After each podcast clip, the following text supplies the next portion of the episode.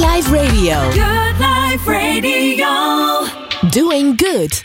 Met Mark van Hal. Goed voor jezelf, goed voor een ander. Haal het beste uit jezelf en laat je inspireren. Elke laatste maandag van de maand tussen 6 en 7 uur. Een hele goede avond op deze zonnige laatste maandag van de maand. En in deze achttiende aflevering van Doing Good ontmoet ik vandaag Willem Glaudemans. Het gesprek gaat in ieder geval over de cursus in wonderen. Willem vertaalde dit bijzondere boek waarin liefde, vergeving en niet oordelen centraal staan. Miljoenen mensen hebben een exemplaar van dit boek en de veelzijdige Glaudemans heeft inmiddels zelf ook een flink aantal boeken geschreven. Schildert prachtige kunstwerken en coacht en traint mensen in vergeving, vooral naar zichzelf. Willem, een hele goede avond. De avond is begonnen. We zaten al een beetje te genieten van, de, van alle muziek hiervoor, want daar worden we altijd uh, flink vrolijk van hier in de studio. Um, ik hoop dat, uh, dat we die vrolijkheid ook een beetje vasthouden. Want, uh, ik wou het heel zwaar maken. Nou ja, dat, uh, dat gaan we dus niet. nee. We gaan gewoon lekker doen wat we, wat we altijd doen. We laten het gesprek ontstaan. Um, Willem, van harte welkom. Dank je, Mark. Dank je wel. Fijn dat je er bent. Leuk um, om hier te zijn. Um, een cursus in wonderen. ja, wonderen kun je leren. Het leven is één groot wonder. Maar jij hebt een uh, aantal jaren geleden, een flink aantal jaar geleden, een boek vertaald dat een cursus in wonderen heet. Maar dat heette het eerst niet. Uh, je hebt, uh, kun je daar iets over vertellen? Wat het, hoe dat allemaal gestart is voor jou? Het is A Course in Miracles, de Engelse vertaling. En voor mij is het gestart toen ik dat boek een keer vond in een boekhandel. En ik gewoon helemaal gegrepen werd. Ik dacht, wow, dit beantwoordt al mijn vragen. Waar was je toen? Toen was ik in Utrecht. In Utrecht? In de boekhandel. Toen zag je een, een course in miracles. Ja, ik was eigenlijk naar een boek van Jerry Jan Polsi op zoek. Ja? Die de cursus in wonderen zeg maar, praktisch heeft gemaakt met attitudinal healing. Ja. En ik kon die boekjes niet vinden. Nou, dan vroeg ik het iemand. Ik zei, oh, er staan daar meneer. Ik was er zes keer langs gelopen. Ja. En toen pakte ik dat en ik draaide hem om en daar lag hij. Was het liefde op het eerste gezicht? Nee, niet helemaal. Ik, ik, uh, ik had daarvoor had ik een filmpje gezien over het werk van Jerry Jan Polsky. En in die groep waar ik toen was, zei iemand: hij heeft zijn werk gebaseerd op A Course in Miracles. Ik heb dat boek net een week in huis, zal ik iets voorlezen. Nou, die las toen de introductie voor. En ja, dat vond ik wel aardig, maar niet dat het. Dat werk van Jan Polsky sprak me veel meer aan. Hij werkte met kinderen die kanker hadden in ziekenhuizen. Bracht ze bij elkaar en vroeg hen wat, wat hen bewoog, wat, hun, wat ze meemaakten. En dat ze het aan elkaar konden vertellen. Nou, dat was eigenlijk een rechtstreekse toepassing van liefde vanuit de cursus in wonderen. En hij heeft me toen ook geleerd dat hij nooit naar het zieke kind keek als een ziekte, maar hij keek altijd naar het kind wat het werkelijk was. Hij identificeerde zich niet met de ziekte, maar met het kind zoals het echt is. Nou, dat vond ik een fantastische les al. En dat kom je daarna natuurlijk in de cursus ook tegen. Dus toen heb ik het boek mee naar huis genomen. Ik ben gaan lezen en ik ben het gaan doen. En op een gegeven moment was ik een boek over de cursus aan het vertalen van Marion Williamson. En toen voelde ik van ja, ik wil eigenlijk liever de cursus vertalen. Nou, dat kwam zomaar bij me binnen. En de enige die ik kende in dat netwerk was Fred van den Burg in die tijd. En die belde ik op. Ik zei van, ja, dit, uh, weet jij iemand? Ze zeiden, ja, er is een zekere Koos Jansson. En die is de coördinator van de vertaalgroep. En nou, ik zal je adres geven. Dus ik belde die zekere Koos op. En die zei, ik zit midden in een verhuizing. Uh, ik zal je naam opschrijven. Ik denk, nou, daar horen wij nooit meer Het is een beetje gevaarlijk in een verhuizing met al die briefjes. Uh, ik zal je naam even opschrijven. Ja. Precies. Maar het gekke was, binnen de week werd ik gebeld door iemand anders. Uh, een psychiater uit Spanje. Die was in de tachtig. William Arendse Heijn. En die had ook diezelfde Fred van den Burg aan de telefoon gehad. Want hij zat in die vertaalgroep en wilde zijn plek kwijt. Dus toen kreeg ik contact met hem. We gingen in het Wilhelminapark in Utrecht bij elkaar komen. En toen heeft hij zijn plek officieel aan mij overgedragen. Zegt, ik ben te oud en te moe, het lukt mij niet meer. Dus ik belde Koos weer. Ik zeg, jongen, ik zit nu via de achterdeur toch in je vertaalgroep. Ik heb het geregeld. Het nou, universum heeft het geregeld. ja. Nou, en toen, uh, nou ja, zei Koos, dan en dan hebben we de eerstvolgende bijeenkomst in Amsterdam. Dus je bent welkom. Mm -hmm. Dus vanaf dat moment zat ik in die vertaalgroep. Wauw. Maar het is niet echt een boekje van een paar honderd bladzijden. Nee, het is bij elkaar 1400 bladzijden. Dus je kunt het ook niet in je eentje vertalen. Nee. Dat heb ik met een hele groep gedaan. De hele groep is uiteindelijk zo'n 11 jaar bezig geweest. En we hebben er met, met psychologen, Nederlandici, eh, computerdeskundigen, met native speakers van het Engels en van het Nederlands. Hebben er met een hele club aan gewerkt, psychologen. Om gewoon al die aspecten die de cursus heeft goed te kunnen vertalen. En uiteindelijk toen was het dus ja, wat gaan we er nu mee doen? De vertaling er voor een groot deel, nog niet helemaal. En toen zei de groep van, uh, jij moet de eindvertaler, eindredacteur worden. En Koos die was op dat moment zeg maar, de spin in het web, die coördineerde alles. Maar zegt, nee, dat kan ik ook niet. Ik ben ook te moe, dat gaat niet. Nou, allemaal moeie mensen. Allemaal zeg moeie maar. mensen en ik kreeg die plek steeds. Jij was uh, de jonge god met, uh, met heel veel energie. Zoiets, ja. In ieder geval, ik heb veel energie, ja, dat klopt. Dus toen kwam ik op die plek terecht. En nou ja, de rest is geschiedenis. Dat ik dus vier jaar lang elke dag dat prachtige boek heb mogen vertalen. En ik heb het nooit als werk gezien. Het is altijd zoiets van, in vreugde loop ik die ene trap af van de huiskamer naar beneden naar mijn werkkamer. En je was niet te stuiten. Nee, het, het, deed mij ook zo ontzettend veel. Ik bedoel, je kunt de cursus niet vertalen zonder de cursus te doen. Nee. Dat zeiden ook in de vertaalgroep. Hè? De cursus vertalen is de cursus doen. Punt. Ja.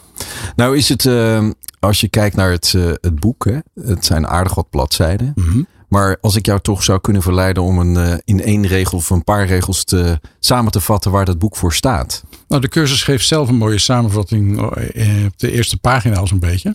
Niets werkelijks kan bedreigd worden, niets onwerkelijks bestaat. Hierin ligt de vrede van God. Dus met andere woorden, niets werkelijks kan bedreigd worden. Wat je ten diepste bent, kan door niets worden aangetast.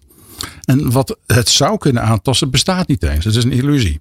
Dus hij, hij laat ook zien dat er maar twee dingen zijn: liefde en angst. En liefde is alomvattend en daarmee kan angst niet eens bestaan. Oké. Okay. Dat is een, een, een stuk metafysica van de cursus, maar dat is wel de kern. Misschien is het goed voor de, voor de luisteraars die nog niet iets van de cursus weten, eventjes te vertellen dat het uit drie delen bestaat. Een tekstboek met alle achtergrondfilosofie. Dan een werkboek, dat is eigenlijk het belangrijkste stuk waar je 365 lessen krijgt om elke dag met je mee te nemen.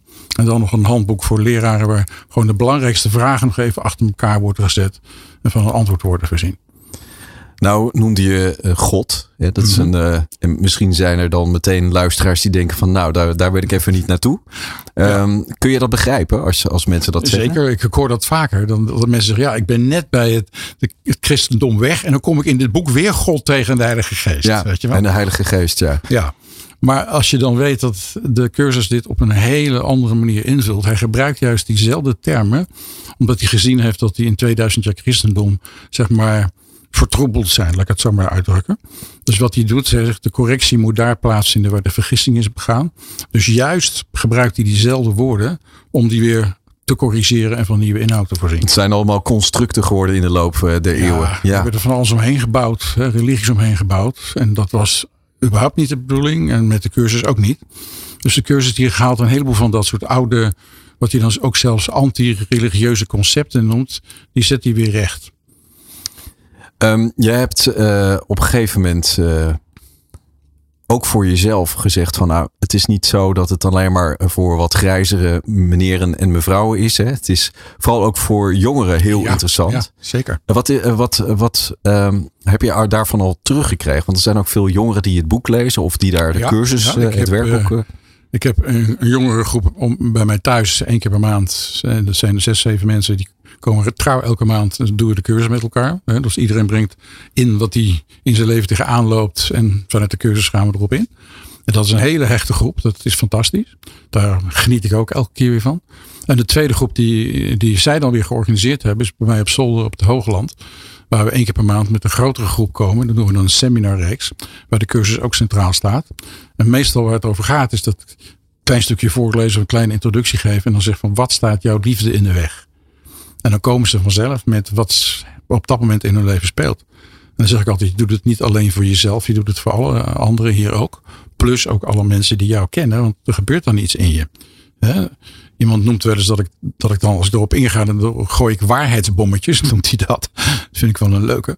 Maar wat er gebeurt, waarheid maakt altijd vrij. Dus als iemand vanuit zijn ego-constructies en zijn illusies en zijn dromen waarin hij gelooft, op een gegeven moment zeg maar, wakker wordt voor de waarheid, dan verdwijnt het verhaal.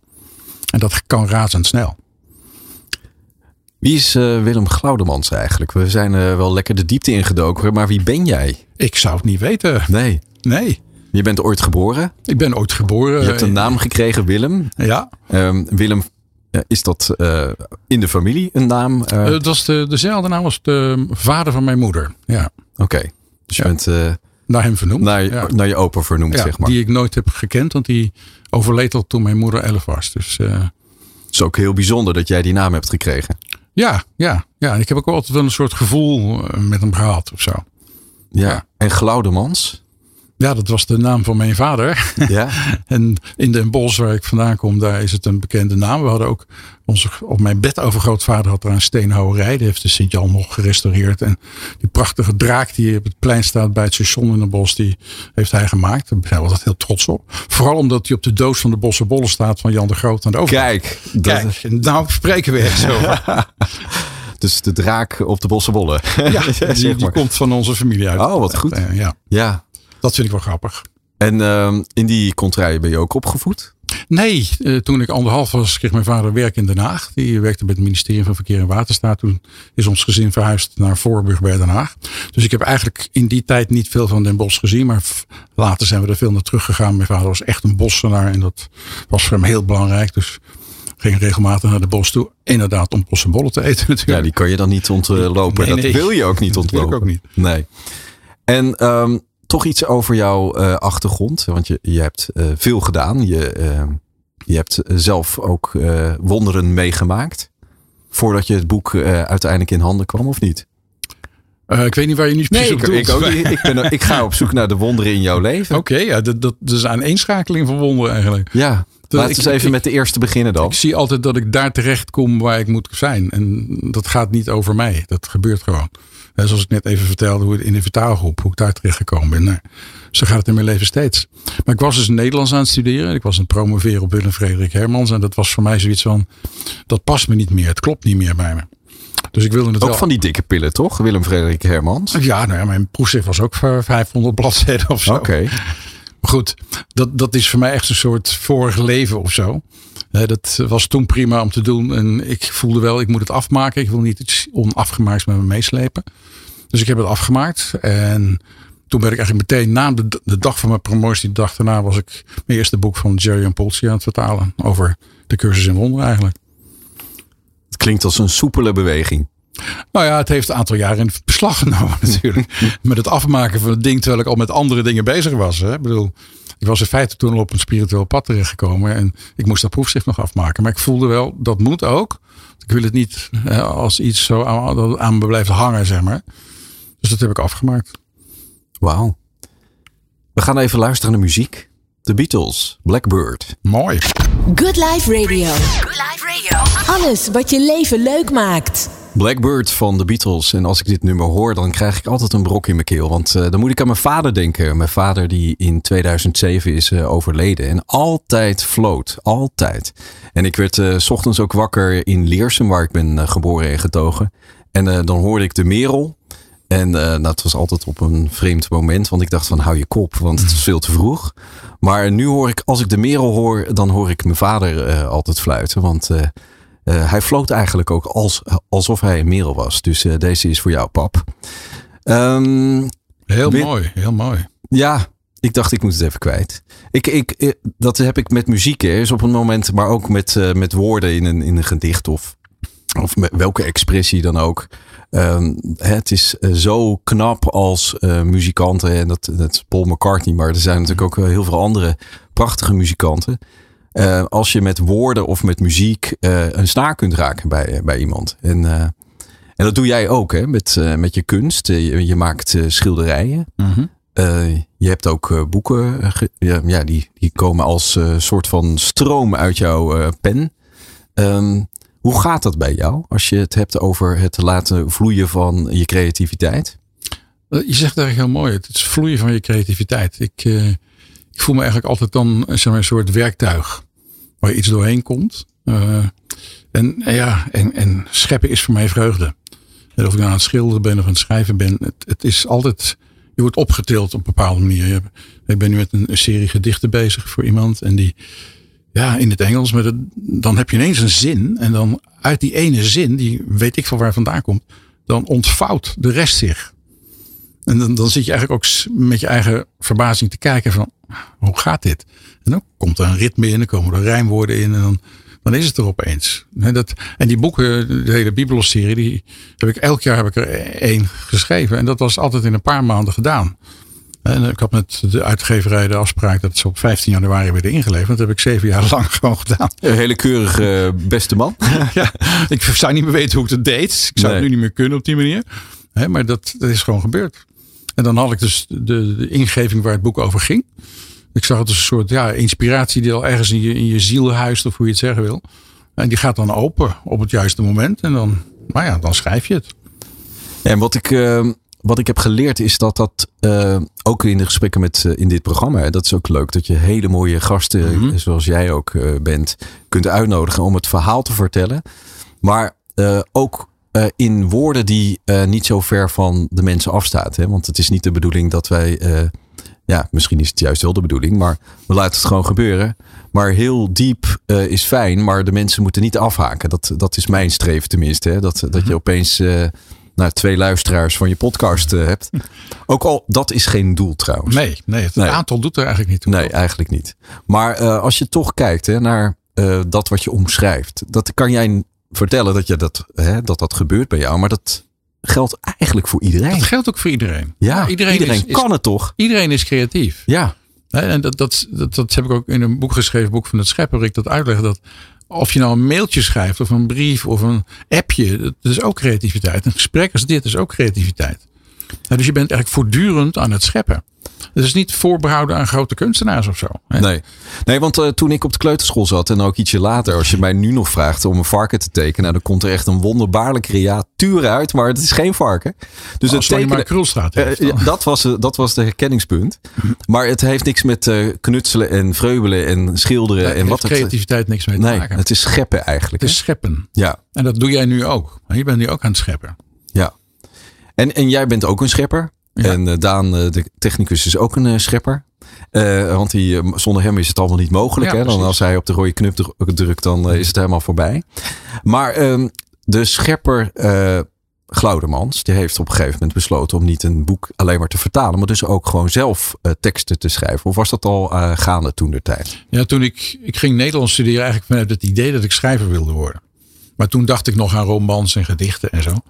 En dat is het, gedichten zijn er wel van gekomen, maar romans niet. Maar dat hele idee van schrijven, dat zat altijd wel in me op een of andere manier. Alleen zat ik toen nog een beetje in de verkeerde richting, omdat ik dat dacht in de literatuur te moeten doen. Maar op een gegeven moment, ja, nadat ik echt mijn pad gevonden had, toen wist ik van ja, het is niet in literatuur, ik moet die spirituele kant op. En toen ik dus een aantal boeken vertaald had, toen voelde ik op een gegeven moment van ja, wat ik nu zit te vertalen, ik kan het zelf ook schrijven. Ja, en toen begon, ja, toen begon het proces bij jou. Ja, ja, ik heb eerst een, een dik boek over vergeving geschreven voor Anke Hermens. En toen nog een sprookjesboek en dat soort dingen. En op een gegeven moment kwam dus die hele Bibelosreeks eruit. Elk jaar dat boek. Hè, dat kwam gewoon. En uh, je noemde net uh, vergeving. Uh, mm-hmm. wat is vergeving? Ja, vergeven is het loslaten van alle hoop op een beter verleden, zeggen we wel eens. Dus we hebben altijd nog het idee als het verleden nou anders was geweest, dan kan ik nu gelukkig zijn. Of als die vader of moeder of wie het ook maar was, die, de boosdoener, zogenaamde boosdoener in ons leven. Als die nou maar anders was, dan. Nou, dat is niet vergeven, dan blijf je hangen. En vergeven is in feite het loslaten van al die verwachtingen die je had over die ander, die nooit zijn uitgekomen. En dan kun je eeuwig blijven zitten. Ik zeg altijd, je kunt heel lang onder een appelboom gaan zitten hopen dat de peren aangroeien. Maar ja, dat is zinloos.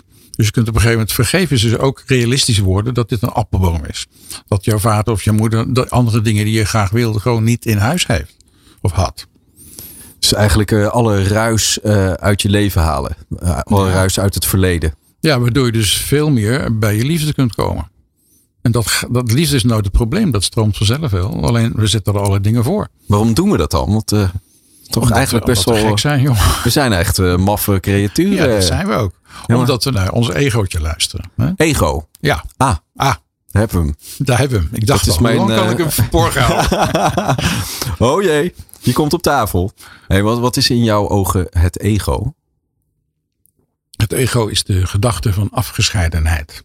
Dat ik een afzonderlijk ikje ben en jij bent een afzonderlijk ikje en Daan is een afzonderlijk ikje. En die hebben eigenlijk niks met elkaar te maken. En vanuit het ego kijk je vooral vanuit angst naar de wereld.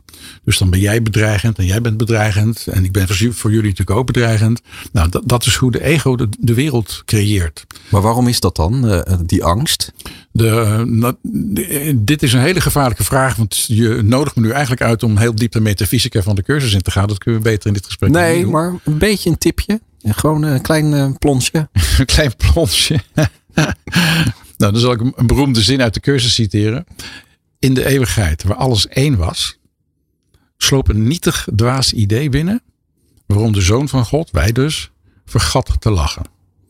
Dat is hoe het ego is ontstaan. Dat, dat we dus zeg maar weggingen bij God. Waar de, de eenheid was alles. En we dachten er moet meer zijn.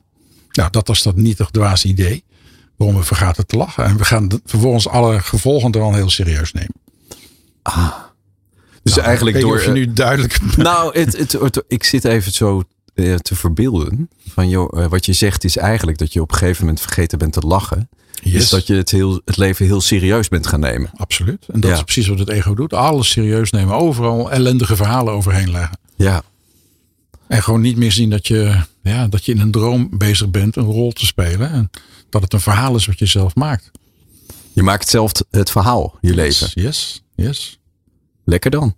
Lekker dan, hè? Ja. Maar eh, waarom, eh, als dat. eh, nou, ga eens even kijken naar verschillende verhalen. Ik, ik heb bijvoorbeeld de afgelopen. Nou, de vorige keer eh, was eh, eh, de, de laatste maandag, maandag van februari. Heb ik gemist hier in de studio. Dat is een herhaling geweest. Omdat ik corona had. En toen dacht ik van, nou, dan ga ik eens gewoon de hele serie van, eh, van de Hobbit kijken. Dus de, in de band van de ring. En eh, in dat verhaal eh, is het gewoon niet leuk als er alleen maar eh, fluitende vogeltjes rondlopen. Dat je alleen maar la la la la, wat is het leven leuk. Het wordt juist super spannend als er drama in en, en de draak die jij jouw voorouders heeft bedacht in Den Bosch. Als er geen draak is, dan is er toch helemaal geen reet aan. Ja, Sorry dit- voor mijn woorden hoor. Nee, maar dit is dus typisch hoe het ego er naar kijkt. Die, die geniet van drama. En die slaat dus daarmee innerlijke vrede totaal over. Ja, Want het moet altijd drama, altijd soapseries, altijd gedoe zijn. En dan is het ego tevreden, want dan houdt hij ons weg bij wat, wat we werkelijk zijn. liefde. Hè? Liefde. Wauw. Ik denk dat het weer tijd is voor een eh, Beatles nummer. denk Maar dit ook. keer niet eh, door de Beatles zelf eh, uitgevoerd, maar door wijlen George Michael. Alles wat je leven leuk maakt. De lekkerste muziek. Good Life Radio. George Michael en Long and Winding Road, eh, oorspronkelijk van de Beatles. Ehm, De Long and Winding Road, eh, het is een eh, pad wat je volgt. Jij hebt ook een pad, eh, ben je aan het volgen. Iedereen heeft zijn eigen pad. Tuurlijk. En ehm, ja, op een gegeven moment kom je zeg maar als klein spruitje op de wereld. Spruitje, het lust bijna niemand. Ik zal even een ander woord, klein guppy of wat dan ook. Zoiets. En dan ja, ga je je pad volgen. En ehm, probeer je dat natuurlijk zo goed mogelijk te doen. En krijgt in eerste instantie krijg je een voorbeeld van je ouders. Het is een soort van download. Hè. Je krijgt allerlei.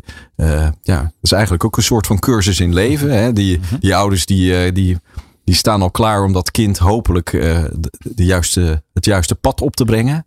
Maar dat kind moet het uiteindelijk zelf doen, eh, beste. Willem. En wat is het juiste pad? Ja, dat weet je dus steeds niet. Hè? Als je, ik ben ook ouder. Oh, dat weet je wel. Op een gegeven moment weet je dat. Ja. Ja, maar hoe weet je dat dan? Omdat je gaat zien dat alle dingen gaan samenvallen. Ja, En bij, bij mij toen ik nog met het Nederlands bezig was, was ik niet op mijn pad. Maar toen ik met spiritualiteit in boeken vertalen en boeken ging schrijven, toen voelde ik, ja, en hier ben ik op mijn pad. maar je weet dat- het dus pas als je erop staat. Nee, want je, van tevoren wist ik ook dat ik die omslag moest maken. Omdat je het niet leuk vond waar je in zat. Ja, omdat ik voelde van hier, hier ben ik niet voor gekomen. Nee. Gewoon dat. En op een gegeven moment ga je voelen waar je wel voor gekomen bent. En dat, dat is een belangrijk moment. Dat je, ik noem het altijd ontwaakmomenten in je leven. Dat ergens jouw missie en je levenspad elkaar kruisen. En dan is het tjoef, Paf. paf. En dan Ja. word je helder en denk je, ah, hier gaat het over.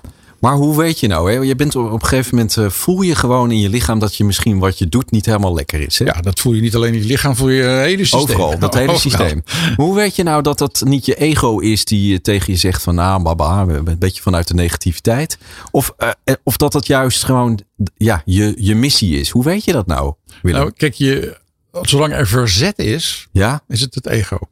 Dus als je echt voelt van nou, rrr, weerstand. Ja, maar kijk, als ik dus even kijk naar mijn, hè, de tijd dat ik met proesten bezig was, wist ik van ik moet dit afmaken, want het is niet wat ik echt hier kom doen. Nee. Hè? Dus ik heb het afgemaakt. Je had nog wel eventjes de spirit om Ik het... had, eh, ja, ik had wel de, de ausdauer om dat te doen.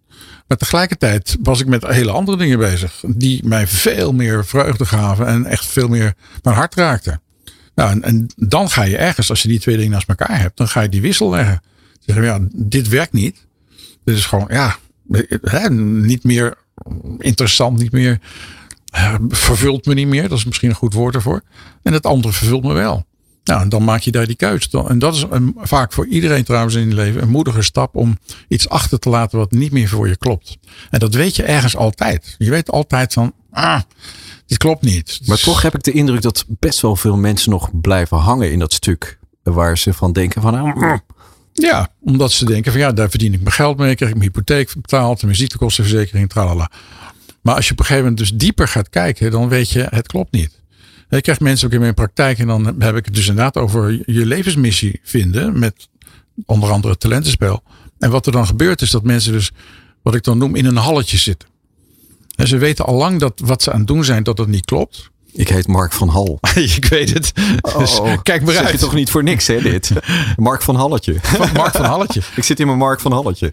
Dus Nou, je lekker zit in je halletje. Ja, En die ene deur gaat niet dicht, omdat je dus de moed niet hebt om te zeggen: ik stop nu met bijvoorbeeld voor, voor dat bedrijf te werken, wat ik al lang weet dat het niet klopt. En dan gaat die andere deur ook niet open. Dus dan zit je in die, tussen die twee deuren met allebei een hand aan de deurklink in dat halletje. Nou, sommige mensen leggen er een bed neer, die gaan er wonen, die komen nooit meer vandaan. die gaan snurken. Die gaan snurken en die laten hun leven voorbij gaan. Dus ik merk ook als mensen wel de moed hebben om te zeggen: ik sluit die deur voor iets wat niet meer klopt. Dat ze alleen een deur sluiten op een vorm die niet meer past. Maar je, je inhoud, je, je talenten, je vaardigheden, dat neem je natuurlijk allemaal mee. Naar die tweede kamer. En als die open gaat, dan zie je ineens een heel ander leven. Dus ik kun je voorstellen mensen dat mensen- erin om, om Sorry. zich eventjes voor te stellen hoe het in die andere kamer zou zijn. Maar kun je ook voorstellen dat mensen natuurlijk eigenlijk als ze in een kamer zitten in dat halletje, dan weten ze natuurlijk wat er allemaal geweest is. Dat is bekend. Ja, Maar je weet niet precies wat er gaat komen Nee, dus eh, daar in heb die je andere deur. moed voor nodig. Ja, moed. Moed.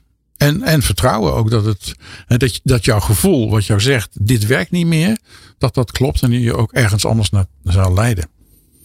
Je zegt je hebt een aantal, een flink aantal mensen al eh, in Mhm. je praktijk gehad. En, en waarschijnlijk heb je ook na, aanleiding van de vertaling ook heel veel vragen gekregen over, over de cursus in wonderen. Ja. Kun je misschien, ja, zonder namen te noemen, kun je een voorbeeld geven van een verhaal waar, waar jij echt van had van, oh wauw, wat een lef heeft die mevrouw of meneer gehad. Gewoon als inspiratiebron. Poeh, moet ik eventjes in mijn geheugen graven. Mm. Ik denk dat ik gewoon even een, een paar aspecten bij elkaar zet. Ja. Er was iemand die eh, zij had een, een moeder die bedlegerig was en zij was heel creatief.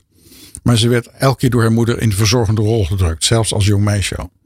Dus wat er gebeurde, ze kreeg ook altijd eh, zeg maar, partners die juist dat verzorgende leuk vonden. Tot ze op een gegeven moment gemerkt, maar dit is het niet. Ik kan mijn creativiteit niet kwijt. Nou, toen heeft ze dus de moed gehad om die partners keer op keer er weer hetzelfde verhaal langskwam. Dat ze op een gegeven moment zag van de derde keer, nu is het klaar. Dus ze heeft de relatie verbroken en ze heeft er baan opgezegd. En dan denk ze, ja, jeetje, wat nu? Hè? Dat is altijd natuurlijk het ding. Maar door die moedige stap weet ik ook dat je ook de steun krijgt. Van iets groters, noem het het universum. Dat je alles krijgt wat je nodig hebt om die nieuwe stap te zetten. De mensen, de middelen, de mogelijkheden en ook de money. Alles wat je nodig hebt om dat, die nieuwe pad te gaan. En dat lukt dan dus ook. Daar heb ik ook heel veel voorbeelden van mogen zien. Dat mensen dus een moedige stap zetten. En inderdaad een soort wind in de rug krijgen waarmee ze bezig gaan. Het is eh, dan moedig, eh, omdat de persoon in kwestie dan voor zichzelf kiest. Ja, maar dat, dat, je dient je eigen waarheid te leven. Anders ben je voor niks hier. Ja. Maar kun je je voorstellen dat eh, heel veel mensen ook hun leven ontlenen aan wat ze voor anderen betekenen? Want Ja, dit programma is- heet Doing Good. Hè? Ja. Ehm, en sommige mensen hebben zich wel eens afgevraagd, nou wordt dit een programma elke keer dat je iets voor een ander moet doen? Nou, dat zit er ook wel af en toe in natuurlijk. Maar als je echt je missie leeft, dan gaat dat twee kanten op. Dan gaat je bent dus inderdaad iets goeds aan het doen voor anderen, maar tegelijkertijd ben je het meest gelukkig. Je geluk en je dienstbaarheid vallen namelijk samen. En dat zien heel veel mensen niet. Maar ze denken, ja, dienstbaar zijn, dat is mezelf wegcijferen, slaven, sloven en altijd voor die ander bezig. En wanneer kom ik nou eens aan de beurt? Die, die mensen krijg ik natuurlijk ook in mijn praktijk. Maar dan, als je dan laat zien van, kijk, als jij werkelijk met al jouw talenten datgene doet waarvoor je gekomen bent, dan ben jij op de eerste plaats gelukkig. Je straalt iets uit en je gaat ook iets voor andere mensen betekenen vanzelf, maar op een vreugdevolle manier. Niet op een slavende, slovende, verschrikkelijke manier van, oh god, moet ik me weer. Dienstbaar maken aan anderen. ja, dan krijg je bijna een hekel aan die anderen. Ja, Nee, precies. dat- dat moet Maar als je het dus vanuit vreugde doet en vanuit van inspiratie van dit kom ik doen, dit is mijn missie, dan gebeurt er iets heel anders in je leven. En dan zie je dus ook echt grote veranderingen in je leven optreden. Meteen. Omdat je een fundamentele andere keuze hebt gemaakt. Nou is dat niet de enige mevrouw uh, die dat uh, is Mhm. overkomen. Je hebt ook echt bewijs van heel veel anderen die uh, op deze manier een andere draai aan hun leven hebben gegeven. Ja. Ja. ja. Ik wil toch nog even terug. Je hebt al verteld, hè, de cursus in wonderen bestaat uit drie delen. Een wat ja, theoretisch gedeelte, het werkboek en een soort van cursus voor de leraren? Of, ja, dat zo met het handboek voor leraren. Het handboek, ja. ja. In feite is dat een soort samenvatting van de cursus op een eigenlijk eenvoudigere manier. Ja. Terwijl iedereen denkt, leraar ben ik nog niet, dus dat sla ik maar even over. Nee. Dan kan je juist aanraden om dat eerder te lezen zelfs dan het tekstboek. Ja. En nou uh, is het de bedoeling als je het werkboek gaat volgen, dat je elke dag uh, iets doet. Hè? Dus elke dag heb je een opdracht. En dat duurt een jaar lang. Ja. Nou, ik zat eerst te denken dat is best wel lang. Maar ja, aan de andere kant, als het de bedoeling is dat je wat verder uh, gaat leven, dat je niet één jaar op deze planeet nog blijft, maar toch nog wat langer op deze planeet, is misschien valt het best wel mee, toch? Nou, het is vooral dat het tijdens dat jaar, maar daarna ook, krijg je een heel andere manier van leven. Ja. Die veel gelukkiger is en veel vredevoller. En dat je veel meer vanuit je hart leeft. En veel meer vanuit je hoofd dat allerlei dingen verzint. Ja, daar zit het vaak het ego tussen. Dus als je op die andere manier gaat leven dankzij al die lessen van de cursus. Dan is dat goud waard. Dat, is, dat, zijn dan de echte wonderen waar de cursus het over heeft. Een wonder is niets anders dan een omslag in je waarneming. Waar je eerst met angst kijkt, kijk je nu met liefde. En dat is de grote omslag die de cursus bewerkstelligt in jouw denkgeest, in jouw mind. Dus je mind, je ego wordt op een andere manier benaderd. Door elke dag een soort van kleine opdracht te doen. Ja. En uh, de taal is niet echt heel erg toegankelijk, uh, hoor ik wel dat, eens. Uh, dat hoor ik ook wel van mensen. Maar dat is vaak omdat we een weerstand hebben vanuit het ego. Die zegt van dit gaan we niet doen. Dus het ego voelt namelijk heel goed aan dat als je dit echt gaat doen. Het ego zijn baan bij jou verliest op een gegeven moment. Oh, dat is het. Die ver, dus die een loonstrookje. En die, zo. Oh, jeetje. Die heeft alle weerstand. Ja. Dus die probeert jou op allerlei manieren ervan af te leiden. Ja. Ik geef in mijn boekje de ingang tot een cursus geef ik een voorbeeld van een vriend die had dan dat heilige boek gekocht en hij, dat ging hij nu doen. Dan kreeg hij natuurlijk meteen onbedwingbare lust in koffie. Dus ging hij koffie zetten. Ja. En tijdens het koffie zetten kun je dat heilige boek niet doen. Dus dan ging hij de krant lezen. Nou, een uur later had hij de krant gelezen. Was het te laat om nog de cursus te doen. En heeft hij, drie maanden heeft hij dit volgehouden. Tot hij op een gegeven moment ontdekte. Er zit blijkbaar in mij een hele sterke kracht die dit niet wil. En toen had hij hem door. En toen is hij hem gaan doen. Uh, zo van uh, best uh, ego mannetje, ik heb je door. Ga jij nou maar even op die stoel zitten. Dan ga ik echt weer aan het werk. Ga ik nu echt werk maken van, het, van de cursus. Dat was wat ja, er gebeurde. Het, ja, en het, het, het feite waar het eerste deel van, de, van het werkboek vooral over gaat. Is het ongedaan maken van het ego. Met andere woorden, je gaat hem doorzien. Je gaat als een grappen doorzien. En als je hem doorziet, dan kun je er ook veel makkelijker nee tegen zeggen. En dan kun je er ook veel beter om lachen. En dan yes, we, ja, yes. Dat is. Nou, nou gaan we eventjes naar muziekstuk luisteren. Het gaat over Miracles. Ilse Mhm. de Lange. Mm -hmm. Het is wederom niet echt een heel vrolijk nummer, maar wel een mooi nummer. Uh, ik heb speciaal de live versie uh, uitgekozen van 2009. Staat ze in Ahoy. Wow. En wat er ook zo mooi is aan deze uitvoering is dat je er een beetje een bibbertje in de stem hoort. Dus uh, de lekkere tril van Ilse de Lange. Alles wat je leven leuk maakt. De lekkerste muziek. Good Life Radio. Een groot applaus voor Ilse de Lange. En uh, ze heeft het over een door, een deur. Uh, het laatste stukje van haar uh, lied. Ze heeft ook waarschijnlijk in het halletje gezeten. um, wat ik wel zo mooi vind van dit lied is dat het een wonder is als je een beetje met afstand naar je leven kijkt. En dan denk je van nou, het leven heeft zich in verschillende gedaanten getoond. En uh, dat, dat is ook wel iets, misschien wat uh, luisteraar, jij die op dit moment luistert ook, misschien eens uh, zou kunnen doen, voor zover je dat nog niet gedaan hebt. Maar neem even afstand van je leven en ga eens even kijken wat voor mooie fases je hebt doorlopen en hoe je er uiteindelijk mee om bent gegaan tot nu toe. En wat het je heeft geleerd voor de toekomst. Nou kan ik verklappen, dat heb ik net gehoord, dat je dus ook een ego hebt dat het eigenlijk bij het oude wil laten en bij het bekende. En hoe noem je dan dat andere stukje, Willem? Dat uh, jou uh, uitnodigen om te gaan lachen en het avontuur te beleven en het talent wat je hebt, uh, zeg maar ten volle te tonen. Hoe noem je dat dan? Je kunt het je ziel noemen, je kunt je dieper zelf noemen. Geef het een naam. Ja. Die naam doet er eigenlijk helemaal niet toe. Maar het is in ieder geval alles wat tegenover het ego staat. Het ego is angst en dit is liefde. Het is van liefde gemaakt. En als je dat volgt, als je je pad van je liefde volgt in je leven, dan kom je op hele andere dingen terecht. En als je dan terugkijkt hè, op je leven, dan, dan, dan ben je eigenlijk verwonderd en verbaasd van wie heeft dit allemaal verzonnen? Ik niet in ieder geval. Als ik naar mijn leven terugkijk, denk ik van wow, wat er allemaal gebeurd is. Ik heb het niet verzonnen. Ik ben overal terechtgekomen. Al die dingen zijn gebeurd. En daar is altijd liefde mee ja, aan, aan zet geweest, zeg maar. En dan is het toch, hè, ik had het in, uh, in eerder uh, in deze uitzending had ik het over mijn vader die overleden is. Of uh, nou ja, er gebeurt nog wel eens wat ook in je leven. En je wordt wel uitgedaagd. Het is niet zo dat je nou, dat het allemaal lekker een gebaand paardje is. nee, het beste gebaand pad. Dat, dat is een heel mooie uitspraak van Joseph Campbell. Die allemaal de mythologie van de mensheid heeft bekeken. Zegt, een gebaand pad is het pad van een ander. Daar zul jij je schat niet vinden. Dat vind ik een fantastische uitspraak. Want om je schat te vinden, datgene waar het werkelijk over gaat in je leven, je levensmissie, hoe je het noemen wil, moet je van het gebaande pad af. Je moet ergens de, de woestenij in om dat te gaan zoeken. En, en dan, dan weet je, ik, ik word ergens he, door gedreven, door je ziel, hoe je het zeggen moet. Er is een soort drang in je om dat te gaan zoeken. Maar dan ben je van het pad afgegaan. En dan zie je opeens een enorme beer. En dan zie je tegemoet. En nou, ik kan het je nog erger vertellen. Ja? Natuurlijk komt de draak er weer bij. Natuurlijk. Die draak van jou. Ja. Van die opa. Ja. Van opa Willem. En, en wat doe je? ja, maar dan pak je. Oh, dat is wel grappig. Want wat, hoe heet. Wat, je vertelde iets over je achternaam. Glaudemans. Ja, maar wat, wat... Dat zit het, woord, het Latijnse woord voor zwaard in. Zwaard? Ja. Dus jij bent... Je komt nee, er, je gaat niet met die zwaard die de draak te lijf. Dat gaat niet werken. Joris en de draak. Daar ja, heb je toch een zwaard voor nodig? Ja, maar weet je wat er gebeurt als je één kop van de draak afslaat? Dan groeien er drie nieuwe aan. Ja, dat is vervelende van die draken. En dat, dat, dat, gaat, dat gaat niet werken. Ah, dus Oké, okay, dat zwaard van jou, dat, dat, laten we even gewoon zitten. Het gaat niet werken, want nee. het gaat uiteindelijk over liefde, toch? Ja, oké. Dus als je ja, die draak op okay, je schat... Even stoppen, nee. Willem. Nee, nee, nee, nee, Er komt een draak. En dan ga ik toch niet uitstralen. Oh, wat een lief draak. Nee, maar jij laat me niet uitpraten. Dan had je dan kunnen vertellen hoe het wel werkt. Oh, nou, ja. Kijk. Ik was even de draak aan het spelen. Was je de draak prima. Je mag draak toch zijn. Je mag helemaal drakerig zijn. Nee, wat, wat, als je op een gegeven moment het gevoel hebt van hier staat mijn schat. Dan zie je die schatkist staan. Maar daar zit die draak bovenop. Dan denk je, oh my god. Ja. Nu zie ik mijn schat en ik kan er niet bij.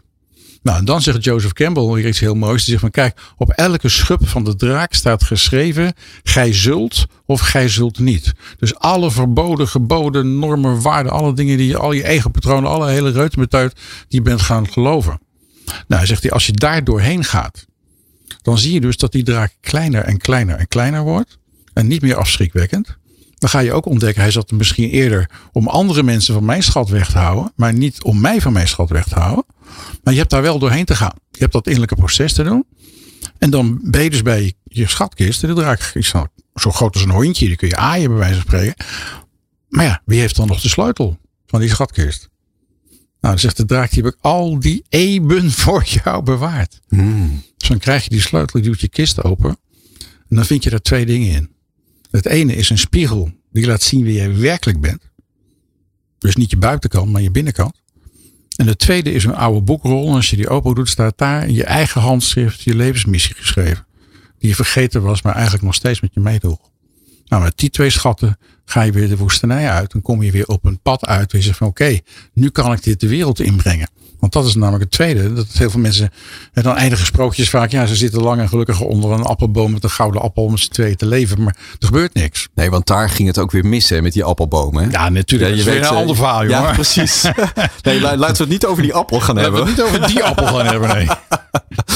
Maar uh, oké, dus dan, dat is niet de bedoeling dat je dan je leven stopt en denkt van nou, nee, hè, ik, nee, ik weet eindelijk wat mijn levensmissie is. En nu stop ik. Nee, nee. dan begint het eigenlijk pas. Ja. Want dan ga je dus naar buiten. Je, je komt dus mensen tegen. En dus ook, daar is ook een heel mooi verhaal over. Dat mensen die aan jou vragen: wat heb jij voor rotsen meegebracht uit het bos? Voor die mensen is jouw missie niet bestemd. Hoef je geen eens aandacht en energie in te steken. En daarna komen mensen zeggen: hé, hey, laat zien wat heb jij. Dat is interessant. Uh, vertel. Nou, voor die mensen is jouw missie wel bestemd. Dus je hoeft je nooit zorgen te maken. Of als jij met jouw schat uit het bos komt.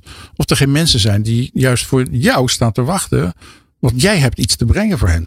Nou, sterker nog, als ik een uh, schat uit het bos haal en uh, ik vind het zelf leuk, mm dan um, boeit het mij eigenlijk toch ook helemaal niet wat een ander daarvan vindt.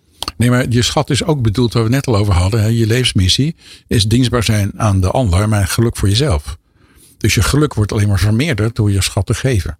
Hè, dat de cursus ergens vertelt. Dus dat was mijn ego. Die dacht ik, het is mijn schat. mijn schat, afblijven. die schat af. Ja. Maar als het, de cursus heeft het juist over geven en ontvangen zijn in waarheid één. En pas door te geven weet je wat je ontvangen hebt.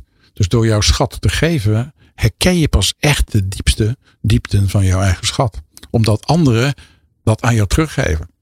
En dan zit je op je pad. Dan, dat is ook een kenmerk van je levensmissie leven. Wauw. En als je kijkt naar jezelf, Willem. Ja, ehm, in hoeverre lukt jou dat? Ik zou zeggen optimaal. Optimaal. Ja, ik ben heel erg gelukkig met alles wat ik doe. Of ik nou met jongeren werk of met cliënten werk of ik een boek schrijf of schilder of whatever. Ik ben eh, eigenlijk diep gelukkig. Er zit, zit niks meer tussen. Ik ga toch even de draak weer spelen. Geweldig. Nee, gewoon- ik, ja. ik denk al van dit gaat niet goed natuurlijk. Ja, nou. ja, maar het, het, het is. eh, als jij zegt, hè. Ik, eh, ik ga. Nou ja, het is meer advocaat van de duivel. Oké, oké. Want wat is de duivel dan voor jou? Dat is het ego. Dat is het ego. Ja. Dus ik ben even het ego. Ik ben even het ego. Oké. Willem, lees jij de krant? Eh, sporadisch nog. Maar je hebt meegekregen wat er allemaal gebeurt in de wereld. Ja. Nou, dat is niet altijd even prettig. Nee, dat is fijn. Me- Meestal nooit prettig. Nooit prettig. Wat je, Ah, wat je op het nieuws op de krant leest. Het goede nieuws krijgen we niet. Daar heb je toch ook wel weer een punt. Nou, ik heb een tijdje bij het Oranje Fonds gewerkt. Mhm. En eh, daar eh, hadden wij een best wel, vonden wij, een positieve boodschap. Dat het eh, goed is om voor een ander iets te doen. En nou, hadden we ook echt voorbeelden van mensen die zich met ziel en zaligheid Ja. inzetten voor een ander. Maar als we daarover iets wilden vertellen in de krant of zo, ja, het was best wel lastig. Ja. Want ja, goed nieuws. Dat, en Rina, mijn eh, lieve collega, die zei van Mark, we moeten een goed nieuwsplatform eh, gaan starten. En eh, dat, is, dat is wat er nog helemaal niet is. Maar men, zijn mensen daar wel überhaupt in geïnteresseerd? Nou, ons ego is veel meer in drama geïnteresseerd. Ja. Dat zeiden we al. Dus er is geen markt voor. Althans geen ego-markt voor. geen egomarkt. En daar, dat, die egomarkt draait natuurlijk wel een beetje over waardering en dualiteit. En, Al- allemaal, ja. ja, En dat is het, het, het elke keer weer herhalen van het oude verhaal van angst en van afscheiding. Wij moeten winnen, dus moeten zij verliezen. Mhm. Hoezo? Hoe krijg je dat eruit? Hè? Is, is dat een Nou, soort dat- van dat- verslaving? Het ego is ook verslavend, ja. Hmm. Maar hoe je eruit krijgt is onder andere door die lessen uit de cursus te doen. Die dat stap voor stapje duidelijk maken. En je neemt zo'n les een dag mee. En je gaat al anders kijken en denken. Dat is een, een langzaam en geleidelijk proces. Het is niet een knop die je omzet. Het is een langzaam geleidelijk proces. Wat je steeds dieper daar brengt. Waar je op een gegeven moment gaat voelen. Maar dit is wat ik wil. Dat andere wil ik gewoon niet meer. Je verliest uiteindelijk je belangstelling in alle grappen van het ego. Je, je doorziet het als steeds weer dezelfde onzin met een nieuwe strik eromheen. Ziet het er weer leuk uit, maar het is toch steeds dezelfde onzin. Ja, want als je bijvoorbeeld eh, een les krijgt in het maken van films. Ik heb op een blauwe maandag dat wel eens eh, gevolgd in Nijmegen. Dan was, eh, elk verhaal heeft een bepaald opbouw Ja. natuurlijk. En er moet altijd een tegenkracht in zitten, anders is het niet leuk. Nee, dus, Ja, het begint eigenlijk al met kinderen. maar, ja, soort van, ik ben nog de tijd van de poppenkast. Maar Mhm. of je nou een poppenkast of in een game zit. Of, er moet een soort van zwart-wit zijn. Ja. Ja, Anders vindt het ego het niet leuk. nee.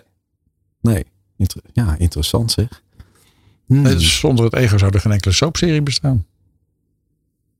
Nee, en dan zou, de, zou dit mediapark eh, misschien helemaal niet bestaan. eh. Ook dat nog. ja, dan kunnen we de boel wel opdoeken Nee, hier. of we gaan al- er iets anders van maken. Ja, dat lijkt me nou toch wel een leuk idee. Dat- maar hoe dat- gaan we dat, dan doen? We, dat we gaan, inderdaad niet alleen goed nieuws, maar gewoon ook gewoon mensen, wat we nu aan het doen zijn, in feite levenslessen geven. ja, Wat op scholen ook vaak helemaal niet gebeurt. nee. Hè, De kinderen die, die krijgen allerlei vakken die ze zelf sneller op hun gsm op kunnen zoeken dan de docent het kan uitleggen. Nou ja, dat is wel zo. Want eh, Maar eh, mijn dochter heeft deze week. krijgen we niet. Nee, mijn dochter heeft deze week proefweek of te- nee, toetsenweek. En die zegt ook van ja. Eh, dan word ik, moet ik allerlei dingen in mijn hoofd stampen. En eh, ja, ik hoef maar eventjes gewoon drie woordjes in Google in te. En dan, dan komt er een, al, ja. Ja, dan is de vraag natuurlijk of, of het allemaal wel klopt wat je dan voor je Ja, neus maar krijgt. goed, maar ja, het is ook de vraag of het wel allemaal klopt wat in de geschiedenisboeken krijgt, Ook, staat. die zijn ook vaak aangepast. Ja. Maar laten we eens gewoon naar een ander niveau gaan en kijken van hoe zou het zijn als we kinderen levenslessen gingen leren? Hoe ga je met relaties om? Hoe ga je met geld om? Hoe ga je dus op een gegeven moment ook vergeven leren? Als er iets gebeurt, van hoe doe je dat dan?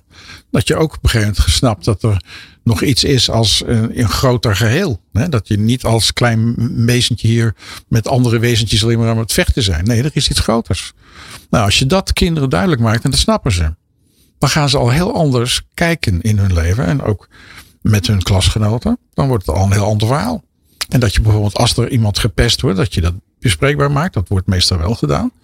Mijn tijd nog niet, maar nu gelukkig wel. En dat je dan gaat zien van, hè, ik weet niet of je kent ook de dingen van over de lijn. Hè, van dat iemand die gepest is gaat over de lijn en de andere zien van oké, dat is het dus wat het met hem doet. En dan gaat de pester er ook naartoe en dan kan er iets gebeuren. Wat, wat in mijn ogen dus vergeving is. Hè, van twee kanten. Want die pester die zit ook met pijn. Hè, net zo goed. Nou, als je, als je dat soort dingen gaat leren aan kinderen, ze snappen dit allemaal. Is het leren of hebben kinderen het al in zich? Het moet naar buiten gebracht worden. Ja. En nu wordt het toegedekt door alle dingen die in ons hoofd gestampt worden. Wat je net ook over jouw dochter zei. En dat houdt eigenlijk dit andere, die diepere lagen weg. Terwijl dat eigenlijk gaat van, als je een kind leert wat, dat hij hier niet voor niks is. Dat hij een missie heeft en dat je die kunt vinden. Hoe anders zou je leven zijn als je dat al vroeg ontdekt? En het zit er ook al heel vroeg in met speurzoekertje uh, enzovoort. Uh, spoorzoekertjes. Spoorzoekertjes, ja. Ja, ik. Nee. En uh, wauw. Dus we gaan kinderen niet zeg maar stampen in het structuur wat we tot nu toe hebben bedacht. Nee. En we gaan iedereen aan de cursus in wonderen laten starten. Is dat een, een uitgangspunt? dat laatste zou ik niet meteen doen. Nee omdat de cursus niet voor iedereen geschikt is. Je moet een bepaald niveau van intellect hebben en taal kunnen begrijpen, waar we het net al over hadden. Maar er zijn wel allerlei andere wegen die met dezelfde inhoud het veel eenvoudiger vertellen. Mhm. En dat kan ook, dat is zeker voor kinderen. dat, daar is, ja, als je daarna gaat zoeken en dat gaat, gaat aanbieden, dan gebeurt er echt iets heel anders. Ja. En die dingen, de waarheid is altijd simpel dus de dingen die in de cursus staan, die met veel woorden zijn gezegd, die kun je heel simpel en eenduidig verwoorden. En elk kind snapt dat. En de waarheid uh, staat voor jou het, als, als hetzelfde als liefde? Ja. Ja. ja. Wauw. Normaal is het zo, Willem, dat ik aan het eind van de uitzending een soort van samenvatting doe. Dat ik, uh, dan, dan, doe ik alsof ik het heb begrepen. En dan uh, probeer ik. nee, dan ga ik vanuit mijn gevoel vertellen wat het met mij gedaan heeft, deze uitzending. Maar we hebben al iets bedacht. En dat heeft het ego volgens mij uh, in eerste instantie gedaan. Van dan hebben we een mooie plaats. Maar ik voel nu dat het uh, de perfecte samenvatting is van wat wij hebben besproken. Bedankt dat je hier uh, aanwezig bent. Graag gedaan. Bedankt dat leuk. je sowieso met zoveel energie voor die levenslessen gaat. Niet alleen voor jezelf, maar ook voor heel veel anderen. En blijf schrijven, blijf schilderen en blijf zijn. En dit is wederom een, een nummer van de Beatles. All you need is love. Good Life Radio. Good Life Radio. Alles wat je leven leuk maakt.